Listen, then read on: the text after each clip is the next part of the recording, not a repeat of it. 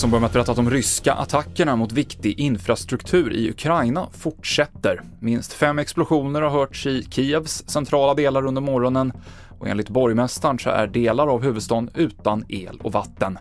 Flera andra städer uppges också ha drabbats och det är sedan tidigare problem med elförsörjningen i Ukraina. Presidenten Zelensky uppmanade igår gångtrafikanter att vara försiktiga i mörkret och att använda reflexer. Det är fortfarande ingen gripen efter skottlossningen i Partille utanför Göteborg igår kväll, där en man i 25-årsåldern skottskadades. Mannen, som sedan tidigare är känd av polisen, fördes till sjukhus och har ännu inte kunnat höras. Och man vet inte heller vad som ligger bakom skottlossningen. Och efter den uppmärksammade rymningen så ska nu kungskobran Sir Väs tillbaka till sin bur. Vi sänder direkt från Skansen-akvariet nu klockan 9 på tv4.se. Där hittar du alltid senaste nytt. Jag heter Mikael Klintevall.